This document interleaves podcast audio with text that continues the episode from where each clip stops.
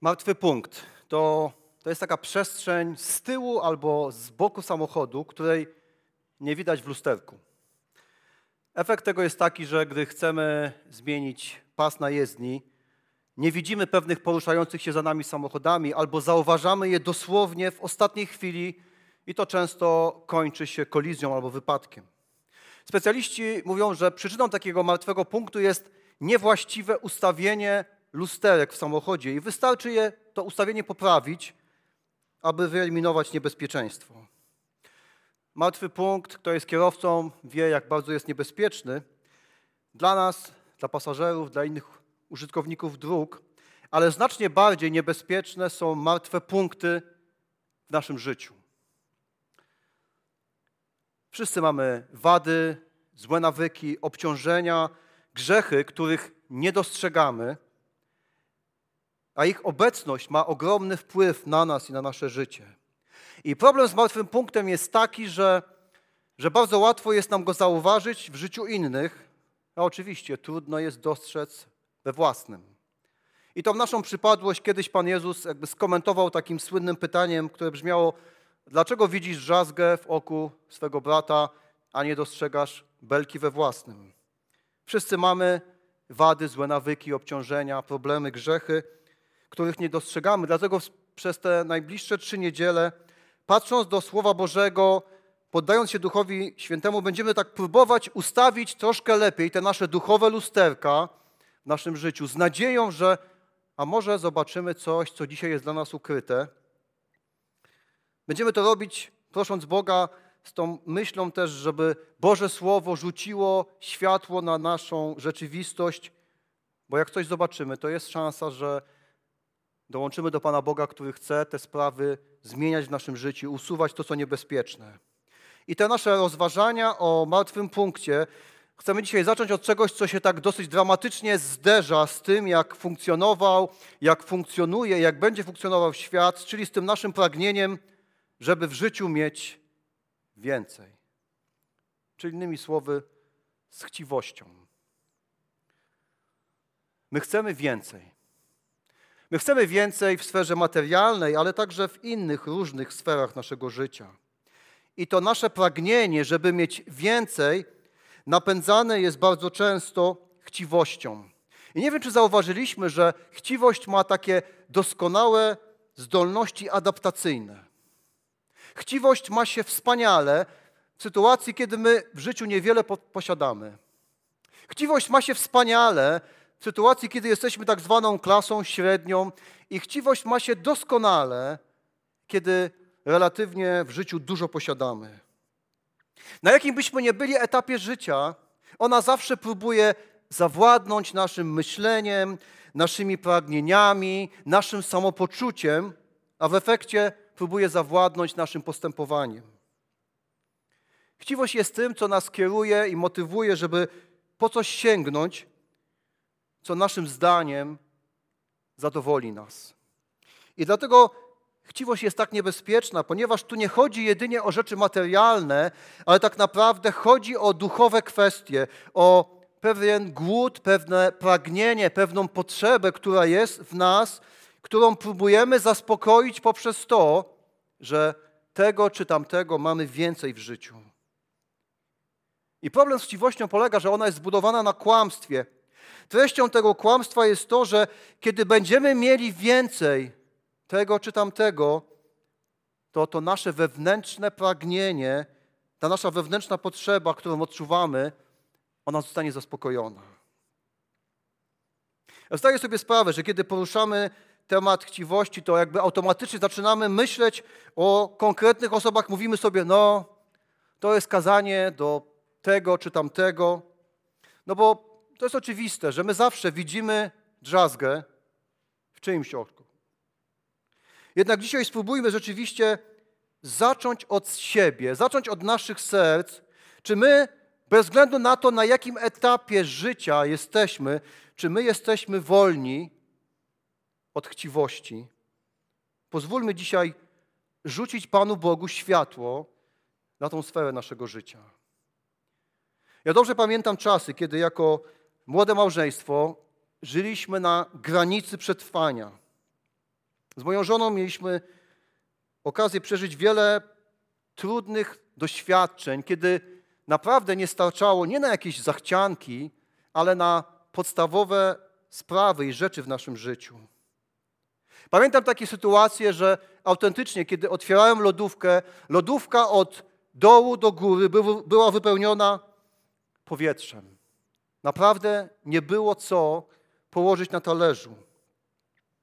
W tamtym czasie staraliśmy się pracować ciężko, jak to było możliwe, ale wiem, że te wszystkie trudności przetrwaliśmy tylko dzięki Bogu, który czasami poprzez innych ludzi, a czasami poprzez naprawdę jakieś niezwykłe okoliczności okazywał się wierny i nas zaopatrywał.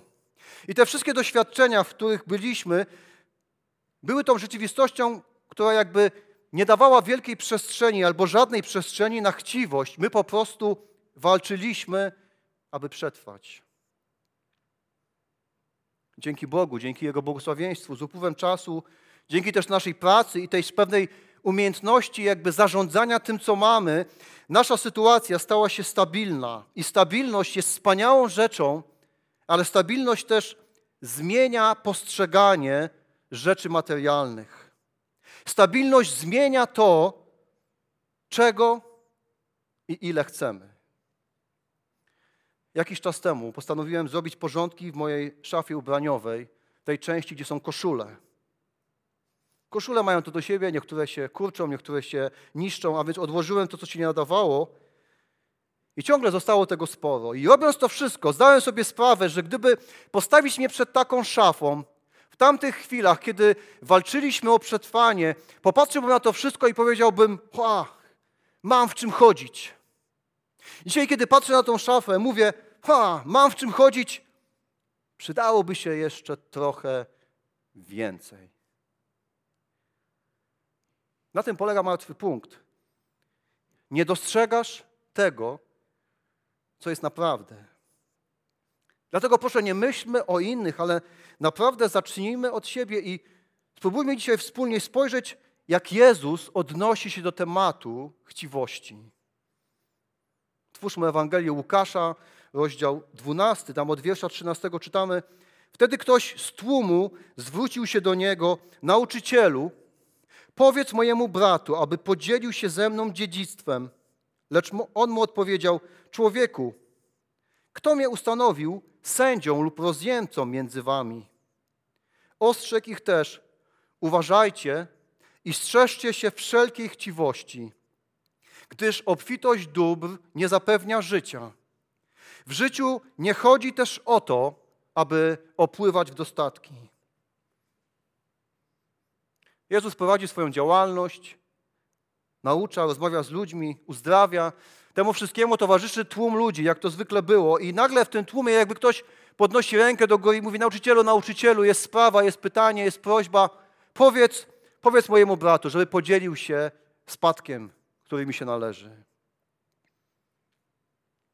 A spróbujmy dzisiaj nie jedynie słuchać, ale spróbujmy zobaczyć w tym człowieku siebie. Z tym naszym myśleniem, że, że gdyby tak się wydarzyło, że nagle ktoś wpływowy, znaczący wkracza w nasz świat i nam pomaga, z tym naszym myśleniem, jak nasze życie mogłoby się zmienić. Z naszym myśleniem, że gdybym miał troszeczkę więcej i był w stanie spłacić te wszystkie moje kredyty, zobowiązania i nie musiałbym się martwić, ach, wtedy życie byłoby piękniejsze i lepsze. Z tym naszym poczuciem, że życie jest tak niesprawiedliwe dla nas i ktoś powinien coś zrobić, żeby było bardziej sprawiedliwym. Trudno powiedzieć, na jakim etapie życia był ten człowiek, jaka była jego sytuacja. Czy to było tak, że on już wyczerpał wszystkie prawne możliwości, żeby uzyskać swój spadek i Jezus jest taką ostatnią deską ratunku, że sądy zawiodły, ale może ten nauczyciel przemówi do sumienia mojego brata, czy może jest odwrotnie, że on zaczyna od Jezusa z nadzieją, że po prostu to wystarczy, ten nauczyciel upomni mojego brata i dostanę spadek. Tego nie wiemy. Ale być może ten człowiek, obserwując Jezusa, jak on się pochyla nad różnymi sprawami i ludźmi, ma nadzieję, że tym razem Jezus się pochyli nad jego sprawą. że zada te wszystkie pytania, a, a czemu twój brat nie chce się podzielić? A czy na pewno ci się należy? A czy nie chcesz zbyt wiele? A czy jesteś uczciwy? Ale zamiast tego, jakby pewne rozczarowanie, bo Jezus bardzo zdecydowanie mówi, że to nie jest Jego zadanie teraz rozsądzać, co się, ile i komu należy. To mówi ktoś, kto, Pismo mówi, u kresu dni, osądzi każdą sprawę. Ale w tym momencie wygląda, jakby ta sprawa była dla Jezusa mało znacząca. I nie chodzi o to, że ktoś mu tutaj wnosi sprawę z kategorii sądu, sądu rejonowego, a Jezus zasiada w naczelnym sądzie administracyjnym. To nie o to chodzi, ale bardziej o to, że Jezus widzi, że problemem tutaj nie są kwestie prawne. Problem jest w innym miejscu. Dlatego całą tą sytuację i tą rozmowę Jezus kieruje w inną stronę, mówiąc, ostrzegł ich też, uważajcie i strzeżcie się wszelkiej chciwości, gdyż obfitość dóbr nie zapewnia życia. W życiu nie chodzi też o to, aby opływać w dostatki. Strzeżcie się wszelkiej chciwości, a więc my nie mówimy jedynie o chciwości w kwestiach materialnych, ale także w innych sferach. Bo w życiu niektórych z nas chciwość przejawia się w tym, że my chcemy więcej uznania. Im więcej osób nas poważa, tym, tym lepiej się czujemy sami ze sobą i mamy nadzieję, że to pragnienie, które jest w nas, zostanie w ten sposób ugaszone. My chcemy więcej zdobytych tytułów. I wcale już nie chodzi o wiedzę, ale chodzi o to, żeby pojawiły się jakieś literki przed naszym nazwiskiem, albo w naszym CV pojawiły się jakieś informacje.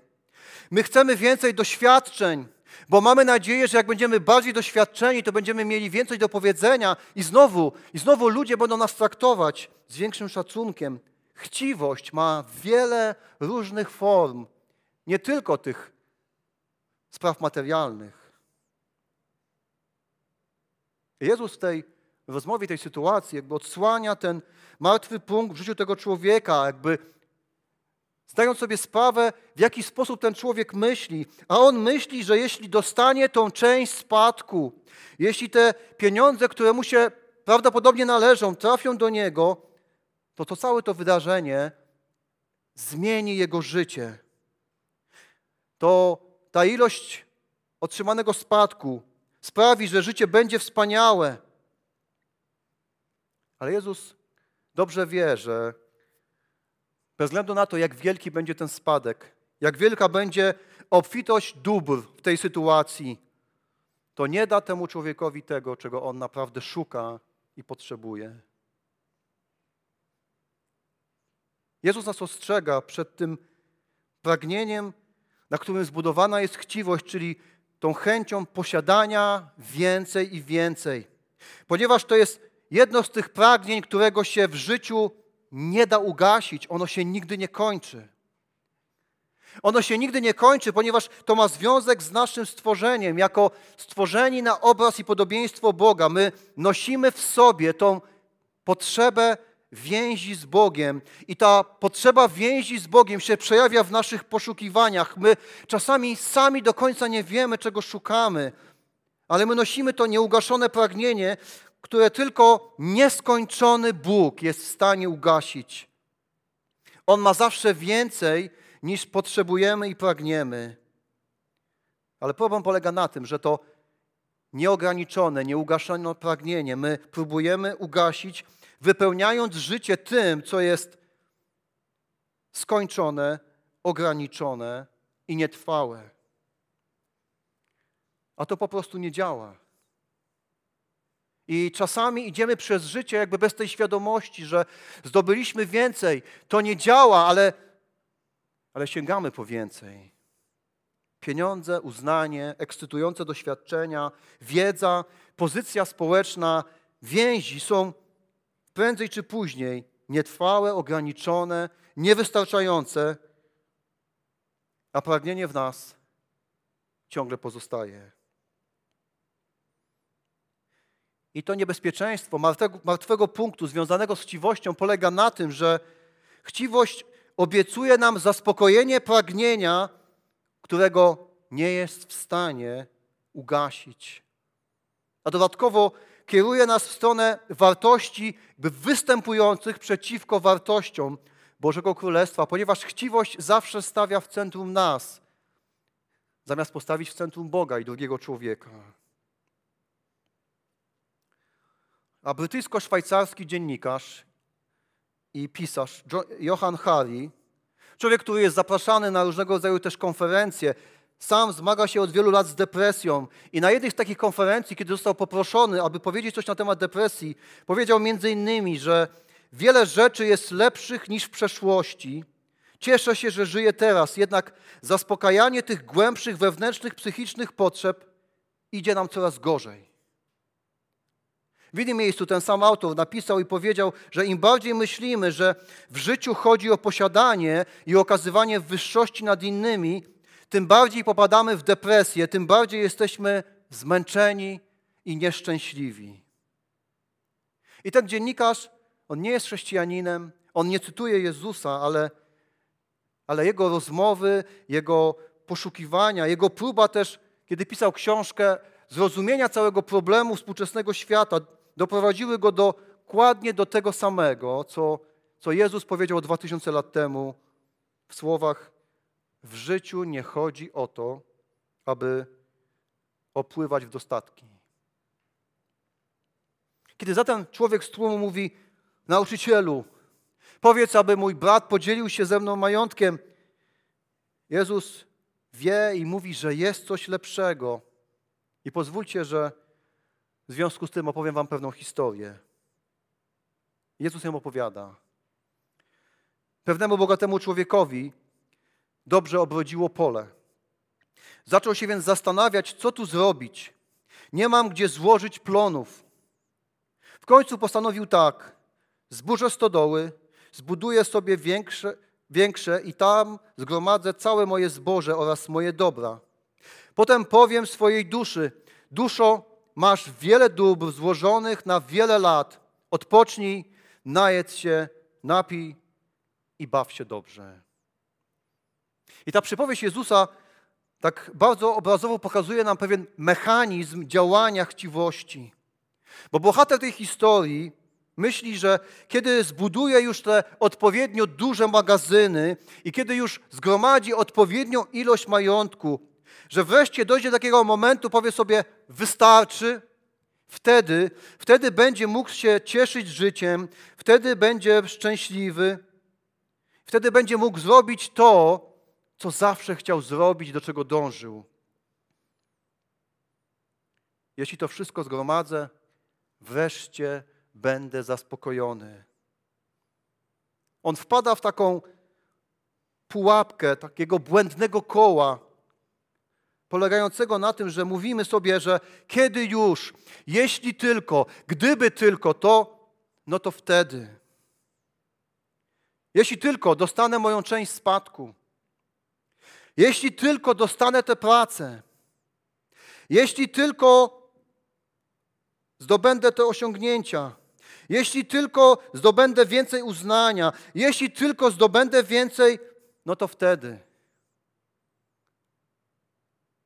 Wtedy otrzymam to, czego szukam. Wtedy będę szczęśliwa. Wtedy będę czuł, że żyję. Wtedy będę się czuła wartościowa. Jeden z bohaterów powieści Władca Pierścieni, zwany Golumem, całe swoje życie poświęca na to, żeby zdobyć wymarzony pierścień. Całe życie tkwi w tym błędnym kole. Jeśli tylko zdobędę pierścień, jeśli zdobędę ten mój skarb, wtedy. I ci z nas, którzy czytali powieść albo widzieli jej ekranizację, my wiemy, że to jest całkowicie jakby szalona postać. On poświęca całe życie, żeby zdobyć ten pierścień, popadając w jakieś szaleństwo, podążając za swoim pragnieniem. I kiedy, kiedy my z literatury wracamy do rzeczywistości i kiedy się stykamy z ludźmi, którzy tkwią w tym samym błędnym kole, jeśli tylko zdobędę więcej, wtedy to my, to my niekoniecznie uważamy takie osoby za szalone. My raczej mówimy: Wow, niesamowita determinacja, ależ etyka pracy. Cóż za oddanie. Pierwsza przychodzi, ostatnia wychodzi. On do tego wszystkiego doszedł sam. Nie chcę powiedzieć, że nie należy ciężko pracować, myśleć o rozwoju, tak zwanej karierze, bo należy. Lenistwo i praca słabej jakości są niebiblijne, są grzeszne, ponieważ praca była częścią człowieczeństwa, zanim pojawił się grzech. Dobrą pracą oddajemy cześć Bogu. Wieczności, kiedy będziemy już na zawsze z Bogiem, kiedy nie będzie już grzechu, my będziemy nadal pracować. Czasami jednak tak łatwo pomylić pracowitość, chęć rozwoju, dbanie o siebie i innych z chciwością. Dziś oczywiście o wiele łatwiej nam te wszystkie lekcje wysunąć, ponieważ my, my znamy całe nauczanie Pisma, nauczanie Jezusa, znamy Jego inne wypowiedzi. Możemy spojrzeć na tą historię tak też jakby z perspektywy innych Ewangelii. Ale w tamtej kulturze dla słuchających Jezusa ta historia, ona się tak dobrze zapowiadała. Pole, które obrodziło żyznymi plonami, to dla tamtych ludzi był dowód, że Pan Bóg błogosławi dobrego człowieka. Tak rozumiano powodzenie i szczęście w tamtych czasach. Po prostu szczęście jest wynikiem tego, że Pan Bóg się do ciebie uśmiecha, ponieważ ty robisz właściwe rzeczy. A więc ludzie słuchają tej historii i myślą, skoro plony są dobre, to to musi być dobry człowiek. Więc ludzie tym bardziej chętnie zastanawiają się i słuchają, w jaką stronę pójdzie ta historia, jaka będzie puenta Jezusa. I kiedy dochodzi do tego miejsca, że ten rolnik burzy swoje stodoły, żeby zbudować jeszcze większe, żeby przechować całe swoje bogactwo, po to, żeby się zrelaksować, dobrze bawić. Jedni być może myślą, a nawet, nawet gdzieś głośno to mówią, że a to trochę chyba nie ma sensu. No. Kto by burzył przed samymi żniwami swoje magazyny, próbował budować nowe? Być może inni myślą albo mówią, nie, nie, nie, on wie co robi, to jest dobry biznesmen, on wie jak na rynku się zachować, jak inwestować. Inni tak jakby się włączają w tę dyskusję, no nie słuchacie, on, on poplanuje po prostu dla siebie zgromadzić. Może takie myśli, takie dyskusje trwają, a Jezus, a Jezus wygłasza swoją puentę, wiersz 20. Powiedział jednak, Bóg jednak powiedział do niego, o bezmyślny człowieku, tej nocy zażądają Twojej duszy i czyje będzie to, co przygotowałeś. Tak stanie się z każdym, kto gromadzi skarby dla siebie, a nie jest bogaty w Bogu. Nieoczekiwana zmiana akcji. Do tej pory śmierć nie była nawet najdrobniejszą częścią tej historii, a mówiąc szczerze, Pan Bóg też nie był. No bo tak właśnie działa chciwość. Sprawia, że stawiamy siebie w centrum, przestajemy dostrzegać innych, to co ważne, i okazuje się, że nie ma nawet miejsca dla samego Boga. Chciwość jest tym, co nas kieruje, motywuje do sięgnięcia po coś, co naszym zdaniem zadowoli nas, a kiedy dostajemy to, co chcieliśmy, okazuje się nagle, że znaleźliśmy się w pułapce, bo chciwość jest pułapką. Obiecuje nam lepszą przyszłość, a tak naprawdę ona nas okrada z tej lepszej przyszłości. Ten człowiek całe życie poświęcił, aby mieć więcej i robił to wszystko z nadzieją, że że jeśli będzie miał tego dostatecznie wiele, wreszcie będzie mógł się cieszyć życiem. Ale czas jego życia dobiegł końca. On ani nie zdążył się nacieszyć tym, co gromadził, ani nie mógł tego zabrać za, ze sobą, a co gorsza, przegrał swoją wieczność. Ponieważ otrzymał to, co przygotowywał przez całe życie dla siebie życie bez Boga. A życie bez Boga po śmierci to jest, jak pismo mówi, prawdziwa śmierć. I Bóg nazywa go bezmyślnym, ponieważ on wpadając w to błędne koło, jeśli tylko zdobędę więcej, wtedy nie zauważył, że popełnił tak wiele kardynalnych błędów w życiu. Poświęcił całe swoje życie i siły na zdobywanie doczesnych, tymczasowych bogactw, by zupełnie sobie nie zdawał sprawy z tego, że jest zależny od Boga. Nie okazał żadnej wdzięczności Bogu, ale zachowywał się tak, jakby po prostu on sam stworzył siebie.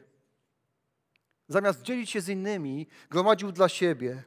I uważał, że jego bogactwo daje mu prawo do skupienia się wyłącznie na sobie. Bo jakie jest jego słownictwo? Zgromadzę sobie, zgromadzę moje, powiem mojej duszy. On odrzuca wszelkie zobowiązania wobec Boga i innych. Wydaje mu się, że ziemskie rzeczy są w stanie zaspokoić te pragnienia jego duszy. I kiedy Bóg wzywa tego człowieka do siebie, on uświadamia sobie to, że, że na, nawet jego własna dusza jest poddana i zależna od Boga. I okazuje się, że te wszystkie lata planowania, gromadzenia to lata zmarnowane. Stracił to, co doczesne i stracił to, co wieczne. Takie niespodziewane i mocne cięcie i surowe cięcie ze strony Jezusa w tej puencie. Ale w tych słowach tak się stanie z każdym, kto gromadzi skarby dla siebie, a nie jest bogaty w Bogu. Możemy też zobaczyć i znaleźć niezwykle ważną wskazówkę, która też daje nam niezwykłą nadzieję. Wskazówkę, która mówi, że istnieje jakby inny rodzaj bogactwa, na którym warto się skupić w swoim życiu, o które warto zabiegać. Jezus mówi o byciu bogatym w Bogu. I tą samą myśl rozwija Mateusz w Ewangelii, kiedy przytacza słowa Jezusa, który mówi o tym, żeby gromadzić sobie skarby w niebie, a nie na ziemi. Bo te skarby w niebie nie ulegają inflacji i zniszczeniu. I do tego wzywa Jezus swoich naśladowców. Tych wszystkich, którzy w duchowy sposób narodzili się na nowo i stali się obywatelami Jego Królestwa. To z powodu tego Bożego panowania w naszym życiu wartości i dążenia ulegają zmianie. To z powodu tego, że Bóg jest naszym królem, wartości tego świata, społeczeństwa i kultury zaczynają stać się dla nas coraz bardziej dziwne, nielogiczne i nienaturalne. Królestwo tego świata przeminie, ale Królestwo Boże jest niezniszczalne. Dlatego bogactwa tego świata nie są w stanie zaspokoić naszego głodu.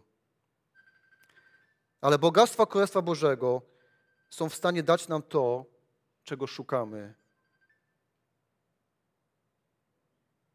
W całej tej historii Jezus nie mówi o tym, że jest coś złego w bogactwie, w zdobywaniu rzeczy. On po prostu mówi, że głupotą jest gromadzenie nietrwałych i przemijających bogactw tego świata. Głupotą jest dać się wpędzić w tą pułapkę błędnego koła, jeśli tylko, to wtedy. I z tego powodu Jezus nazywa tego bogatego właściciela rolnika głupcem. Bo on skupia się w życiu na gromadzeniu i jednocześnie izoluje się od innych. A rzeczywistość Bożego Królestwa to jest rzeczywistość wspólnoty, wzajemnych powiązań, wspólnego życia i pracy na chwałę Bożą. Na czym zatem polega ten inny rodzaj bogactwa? Jak możemy być bogaci w Bogu? Bogacenie się w Bogu oznacza przypisywanie wartości tym samym rzeczom, które ceni Bóg. To jest miłowanie Boga całym sercem, duszą, myślami i siłami, a bliźniego swego jak siebie samego. To jest miłosierdzie i sprawiedliwe postępowanie i pokorne chodzenie z Bogiem. To jest, się, to jest cieszenie się bogatym życiem duchowym, polegającym na modlitwie, na studiowaniu słowa, na społeczności z innymi wierzącymi i tym wspólnym podążaniu za Chrystusem i uczeniu się o Nim i od Niego.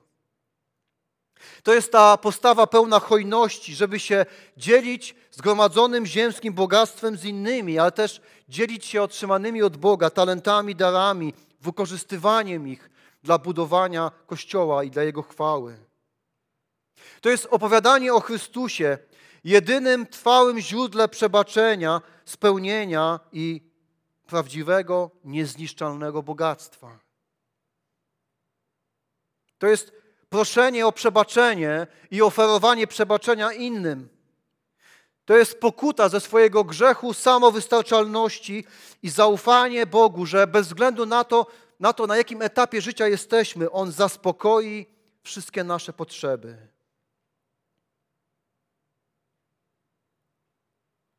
Jezus kieruje do nas wszystkich ostrzeżenie, byśmy unikali wszelkiego rodzaju chciwości.